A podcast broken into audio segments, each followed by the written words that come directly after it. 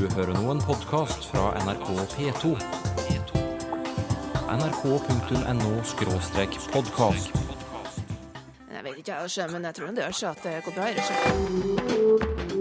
du skulle ha vært på en helt annen.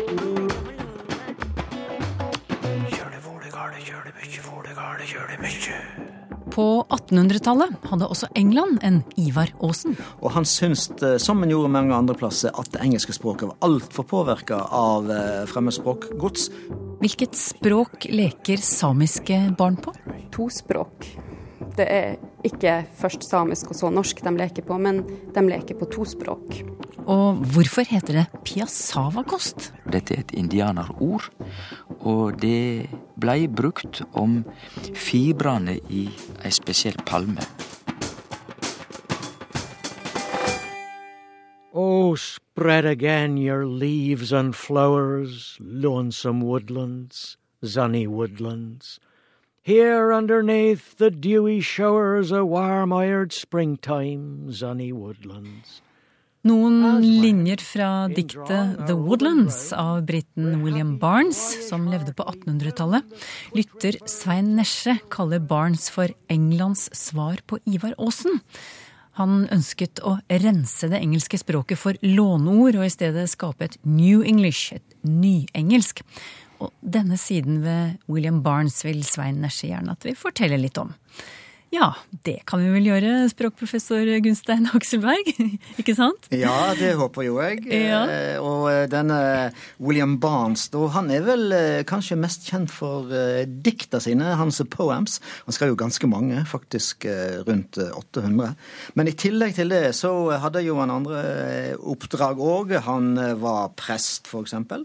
Han var forfatter dikter, og derfor så kom jo alle disse diktene hans. Men han samla jo òg inn eh, ja, folkestoff, eh, som da var ofte bakgrunnen for disse diktene hans. Han var både egen produsent, og han var en samler av folkediktene, kan jeg vel si.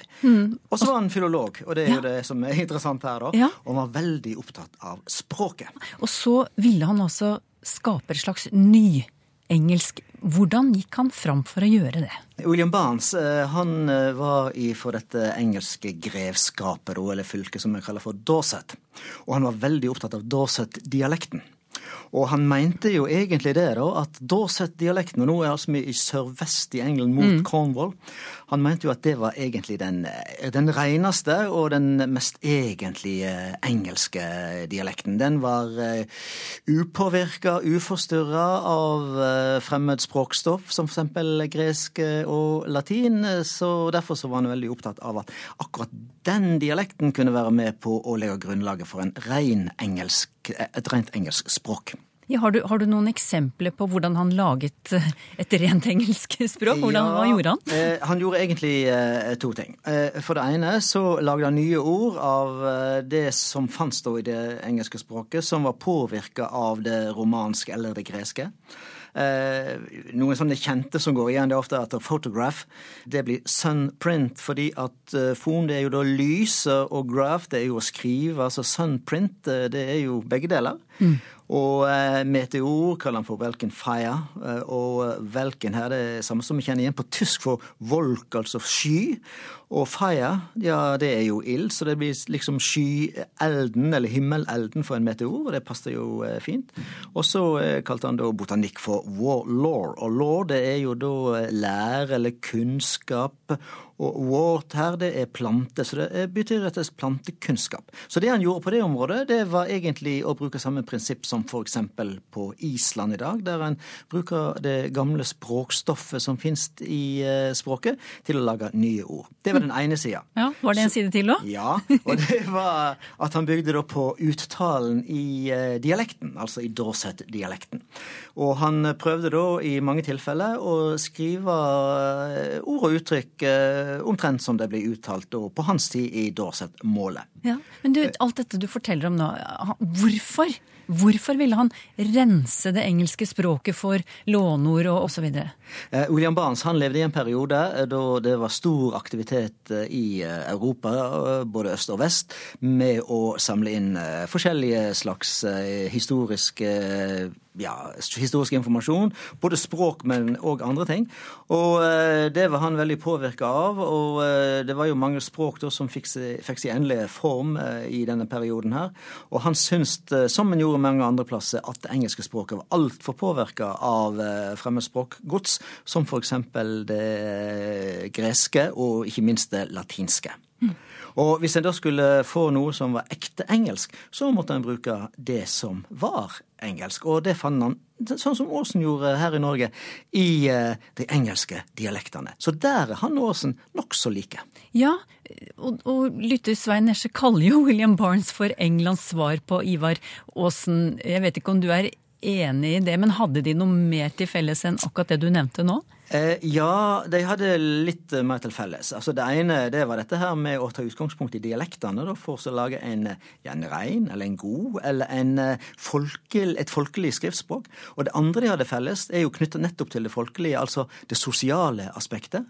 Aasen var jo interessert i at de norske bøndene skulle få et skriftspråk som de kjente seg hjemme i. Mm. Og William Barnes han var veldig opptatt av at eh, engelskmennene de skulle ikke måtte ha klassisk skolering, klassisk dannelse, for å eh, kunne være gode språkbrukere. De eh, skulle kunne beherske det engelske språket ved å kjenne til eh, ja, dialektene i England. Så der er de òg like, altså det sosiale aspektet, å gi folket et språk som de hadde kunnskap om og erfaring med. Men allikevel mener du at eh, de ikke helt kan eh, sammenlignes. Hvorfor ikke det? ja, det er, det er, litt andre ting det går på, da. Eksempel dette her med at Ivar Aasen han gjorde jo mer eller mindre nasjonal innsamling da, av dialektstoff, som førte til at han skrev ei stor ordbok, som da kom i to utgaver. Og det andre han gjorde, det var at han skrev en norsk grammatikk, som òg kom i eh, to utgaver.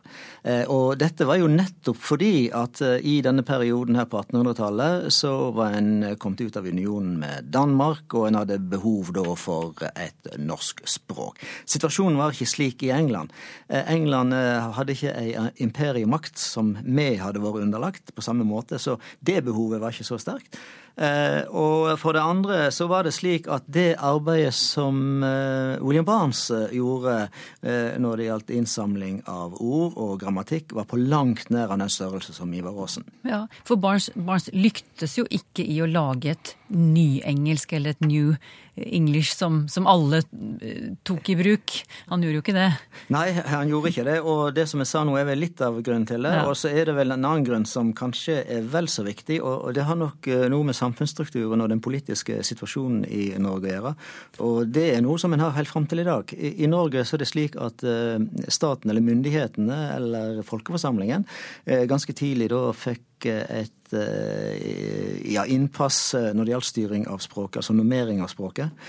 Eh, og jeg tenker på eh, dette jamstillingsvedtaket som ble gjort i 1885, som det ofte blir referert til da, eh, når en da jamstiller de to målformene, for å bruke et slikt mer moderne uttrykk, så har jo det nettopp med at myndighetene, staten og si, de folkevalgte kom inn for å ha ei hånd om vedtak som gjaldt skriftspråket. Og det har jo vi hatt helt og har det helt fram til i dag.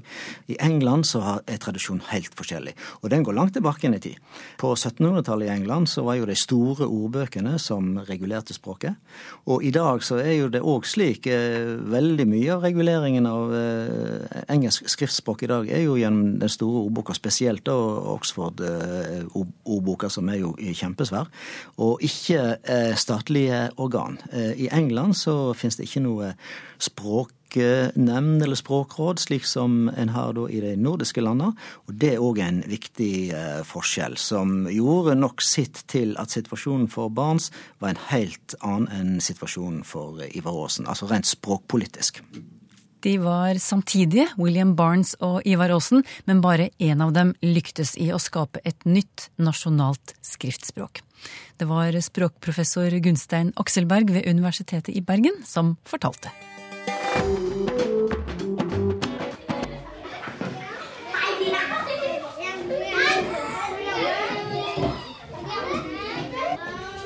Når barn leker, kan de veksle mellom ulike dialekter og språk.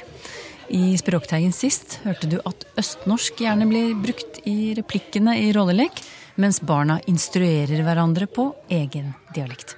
Men i rollespillet kan de også veksle til engelsk, svensk eller et annet talemål enn østnorsk. Hvordan er det med samiske barn? Hvilket språk leker de på? Det har Carola Kleman forsket på. Hun observerte språkbruken i en samisk barnehage i et norskdominert område i Finnmark. Alle som er samiskspråklige, er også tospråklige. Eh, og jeg jobba i førskolelærerutdanninga eh, i flere år og har opplevd hvordan ungene leker. Så jeg ble veldig nysgjerrig på hvordan leker de tospråklige barna. Velger de f.eks. norsk når de leker norske ting, og velger de samisk når de leker samiske ting? Det gjorde de ikke. Ja. Vi skal høre mer om det, men kan du ikke først fortelle hva slags språkbakgrunn disse barna har? Altså hvordan snakkes det hjemme hos dem? Eh, hjemme hos dem så har de en tospråklig praksis. Eh, det kan gjerne være sånn at den ene forelderen snakker norsk, den andre snakker samisk. Eh, eller at begge foreldrene er tospråklige samisk-norsk. er også ofte tilfellet. Og så som sagt så har du observert dem da, mens de har lekt rollelek i barnehagen. Og hva har du funnet? Hvordan bruker de disse språkene sine i leken? Ja, de bruker språkene sine etter rolleleken sine regler, og ikke etter noen slags eh, identitetsregler om hva som er samisk og hva som er norsk. Når du sier rolleleken sine regler, hva ligger i det? I rolleleken så har de forskjellige typer ytringer, sånn som regiytringer, hvor de forklarer hva som skjer i leken, og rolleytringer, hvor de har replikkene til eh, figurene de leker med. Og magiske ytringer, de der man ved å si et ord, sånn som spise, spise, får det til å skje. Kan du ikke fortelle om en av de scenene som du observerte? Du har eh, et, et ark her hvor du har skrevet opp, for vi får ikke lov til å, å spille av lyd. Det, det, er for å beskytte barna. Mm. Det, men eh, du kan spille litt radioteater for oss nå. Hva er situasjonen? ja, jeg får leke. Um, Dette er fra en uh, lekesekvens som er kalt for 'Drager og slott'. Det er to barn, Anna og Pierra, som er fire år og et par måneder. De leker med et sånn Little People-slott eh, og masse figurer. Prinsesser, drager, eh, en konge. Litt forskjellig. Mm. Akkurat nå så holder de på å gå rundt med noen figurer, så jeg skal lese noen ytringer fra dem. Mm. Ja. Først er det Anna som kommer inn, eh, som snakker. Nå har de allerede snakka lenge på samisk og hatt masse regiytringer på samisk. Um, da, da både, da både Gatchat det her altså på samisk, og en regiytring hvor hun sier um, den her, den kom, den kom, for å se. Og så følger Pierre opp med en rolleytring. Hei, er du bestevenn? Det her er altså lekespråk eh, for dem. Eh, han har en rolleytring. Anna følger opp med en rolleytring på norsk igjen. Ja. Eh, Pierre fortsetter så videre med en regiytring. Og prinsessen reddet de. Denne gangen eh, regiytringa på norsk. Så forskjellen mellom regiytringa og rolleytringa er ikke hva språk de uttaler det på, bortsett fra det her med lekespråk, denne slags eh, karikaturen av, av østnorsk. Eh, den er mer eh, forskjellen i om de bruker fortidsform eller nåtidsform i verbene, f.eks. Ja, når bruker de det ene, og når bruker de det andre? Eh, regi er i fortidsform, eh, omtrent som en fortelling. Du kan tenke deg, De har skrevet, de har skrevet manus på forhånd, ja. så nå spiller de det ut. Og så gikk du dit, og så gjorde mm. jeg det. Ja, og, og, Men replikkene, de Replikkene i nåtid. Ja. Er du bestevenn? Ja. Mm. Vi kan jo stoppe scenen der, for den er egentlig eh, lengre. Men, ja. men, men, men, hva er det som avgjør om disse barna bruker norsk eller samisk i denne rolleleken? ut av det mønsteret jeg ser, så ser det ikke ut til at språk betyr noe spesielt. De kan velge hva språk som helst. Det er denne eh, ytringstypen som bestemmer eh, hvordan de forstår når det er en rolleytring eller når det er en regiytring. Så er det eh, den tonevariasjonen som ligger i rolleytringa f.eks., eller denne fortidsformen i regiytringa. Og da kan de bruke enten norsk eller samisk. Så jeg tror ikke språk er så viktig. Ja, Er det det som er eh, konklusjonen din? Ja, konklusjonen min er egentlig at de leker rollelek på tospråk. Det er ikke først samisk og så norsk de leker på, men de leker på to språk. Ja. Men, men, hva er forskjellen eh, på måten disse barna leker rollelek på, og måten andre barn leker rollelek på? Enspråklige barn, f.eks.? Den er jo forbausende lik. De her typen ytringer er jo akkurat de samme. Og til og med denne typen karikatur av østnorsk er akkurat den samme i enspråklig norsk rollelek. Så de her barna de har et litt større register, fordi de også har et til språk. Og de bruker det av og til, kanskje for å uttrykke maksimal annethet, egentlig. Når de kommer da til forskjell mellom regiytring og rolleytring. Hva, hva, hva, betyr det maksimal annethet? å gjøre de to typene ytringer så forskjellige fra hverandre som mulig. Mm. Men det er valgfritt. Noen ganger kan det brukes, andre ganger ikke. Det er ikke nødvendig. Hvis du skal liksom trekke noe prinsipp ut av dette her, da, utover det du har sagt nå, hva, hva vil du konkludere med? Først og fremst er at de, de, de leker rollelek på en tospråklig måte. Sånn, sånn at de er først og fremst ute etter å leke. De er ikke ute etter å bruke to språk. De øver seg ikke på å bruke to språk. De bruker to språk fordi de kan.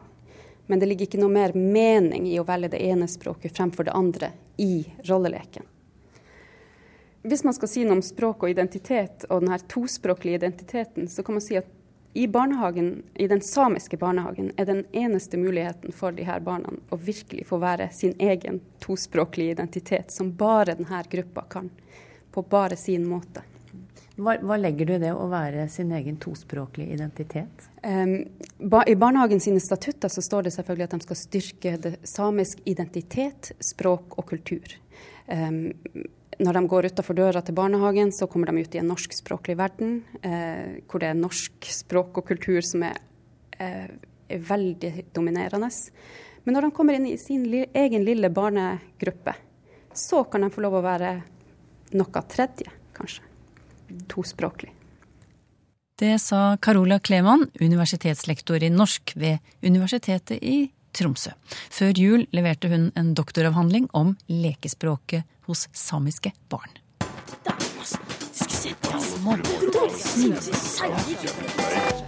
Det finnes mange slags koster, Sylfest Lomheim, men i dagens første lytterspalte dreier det seg om den sorten som har stiv bust, og som vi gjerne bruker når vi feier utendørs. Knut Olav Helleseng vil vite hva ordet piassava-kost kommer av. Og det er et ord Kost trenger jeg vel ikke forklare, mm. men ordet piassava, det kjem fra en søramerikansk dialekt, eller et språk i Sør-Amerika. Eh, det betyr da et indianerspråk, så dette er et indianerord. Og det blir, og blei, brukt om fibrene i ei spesiell palme. Disse fibrene er veldig stive. Så det er forklaringa på piassava. Tor Seierstad skriver til oss om uttrykket å fyse på noe. Han lurer på hvor å fyse kommer fra, og om det har noen sammenheng med adjektivet ufyselig? Og det har det så absolutt, fordi at når noe er ufyselig, så har vi ikke mye lyst på det. Mm. Og eh, det utgangspunktet er jo ordet fus, som betyr lysten, å være hugen på. Og difor verbet å fysa er å ha lyst på noe. Og me har jo òg eh, i visse dialekter i landet eh, uttrykket fysemat. Og det høyrest ut til å ikke være så veldig hyggelig mat, men det er rett og slett det det er. Det er mat som du har lyst på, som du koser deg med. Og når noe er fyselig, så er det altså veldig tekkelig og fint. Og det motsette blir da ufyselig. Det er utekkelig. Erlend Gjerde skriver til oss om bruken av mindre kontra færre. På radioen så har han hørt snakk om f.eks. Miljøpartiet De Grønne, som vil ha mindre biler i sentrum. Og han regner med at de sikter til at det skal være færre biler i sentrum. Eh, Erling Gjerde har lagt merke til at ordet mindre både brukes synonymt med og ofte istedenfor ordet færre. Og så skriver han til slutt hvordan har denne feilbruken oppstått?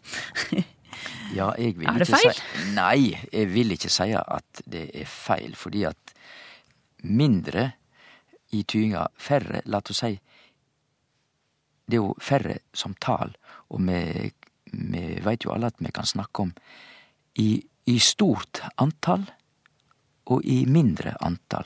Altså i mindre tall. Så da er det et stort tall og et mindre tall. Det er jo det som ligger til grunn for at vi også bruker mindre om, om for eksempel biler. Men gir Erlend Gjerde heilt rett i at når det er fare for mistolking, så er det uheldig å bruke mindre biler, for det kan jo tolkes som små biler og ikke større biler. Mm. Så der må vi jo passe på. Men i utgangspunktet å bruke mindre om tal er i og for seg ikke, ikke noe gale med, for vi snakker jo om større og mindre tall. Hva betyr egentlig ordet idiot, spør Joakim Smongs. Hvorfor er det et fornærmende ord? Ja, i utgangspunktet så var det ikke fornærmende, fordi utgangspunktet er jo gresk. Det greske ordet idios betyr noe som er for seg, noe for seg sjølv. Og det er ikke i utgangspunktet fornærmende. Men da forstår vi også at det ordet har blitt et ord for idiot i moderne språk. En idiot i moderne språk er jo en som ja, enten er det en tosk eh, som skjellsord, eller så er det en person med, med svekka eh, sjelsevner, altså rent medisinsk. Men utgangspunktet er altså et gresk ord som bare betyr noe for seg sjølv. Og derfor er ordet idiot i slekt med idiom, som jo er et ord som språkkjennere vil vite er et ord for faste uttrykk, altså et uttrykk som er for seg, for seg sjøl. Et idiom er altså et fast uttrykk. Mai Kristine Hansen viser til eh, Thomas Kingos salme 'Sorgen og gleden'. Der finner man en setning som lyder slik Kvide skal vinne sin tott ut av teen. Og nå lurer Mai Kristine Hansen på hva det betyr. Hun har forsøkt å google litt og funnet ut at det har noe med en ulldott og en tegn å gjøre. Men hva er meningen med dette? Ja, da eh jeg har også sjekka, fordi eh, så godt Jeg kjenner jo godt den Det er en av de mest kjente salmene til Kingo. Eh, Sorg og gleden de vandrer til hobe. Og i sjuende vers så står dette her Kvide skal vinde sin tott ut av ten. Kvide står med Q-U-I-D-E.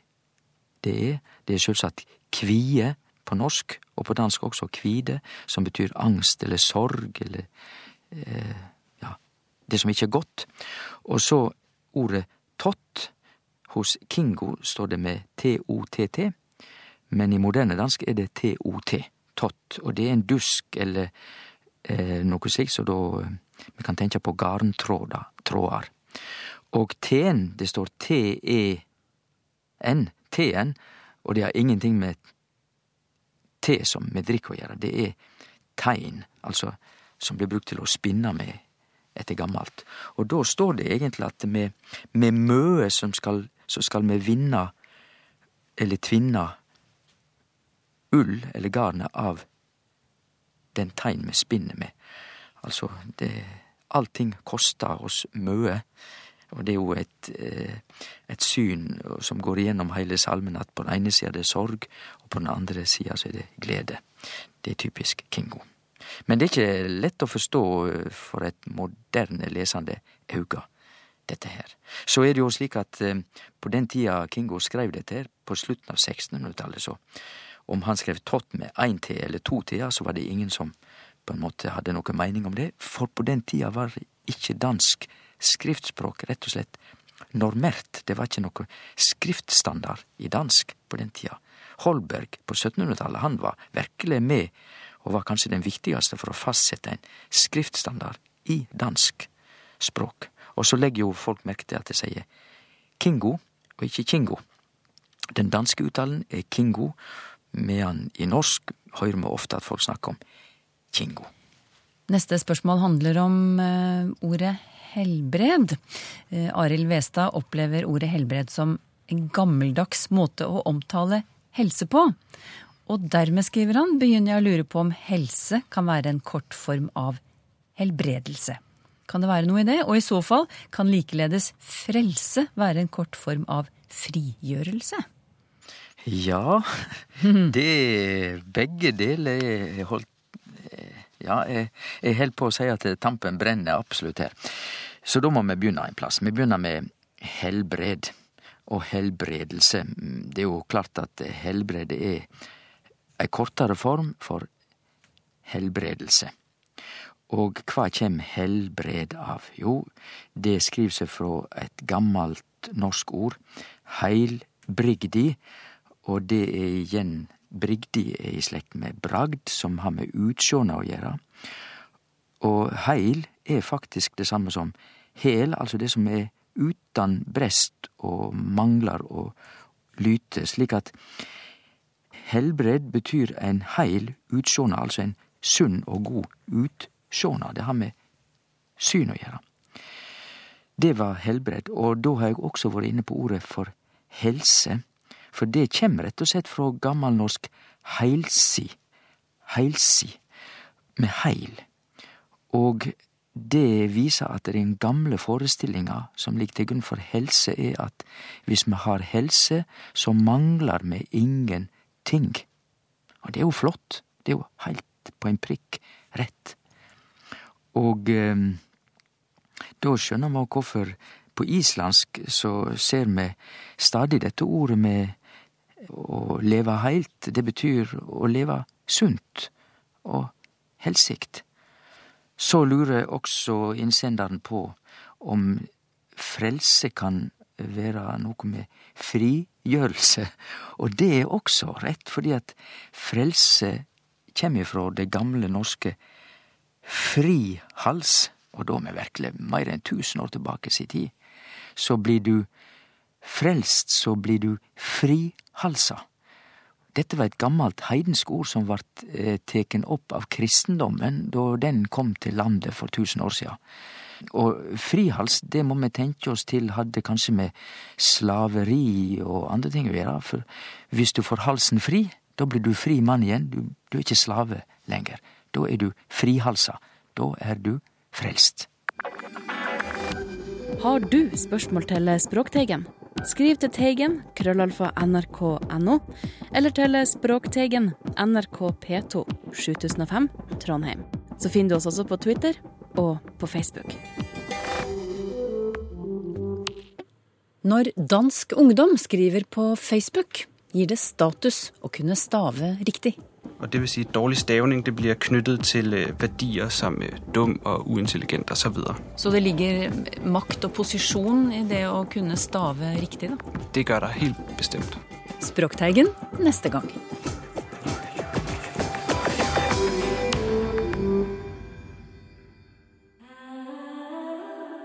nrk.no podkast.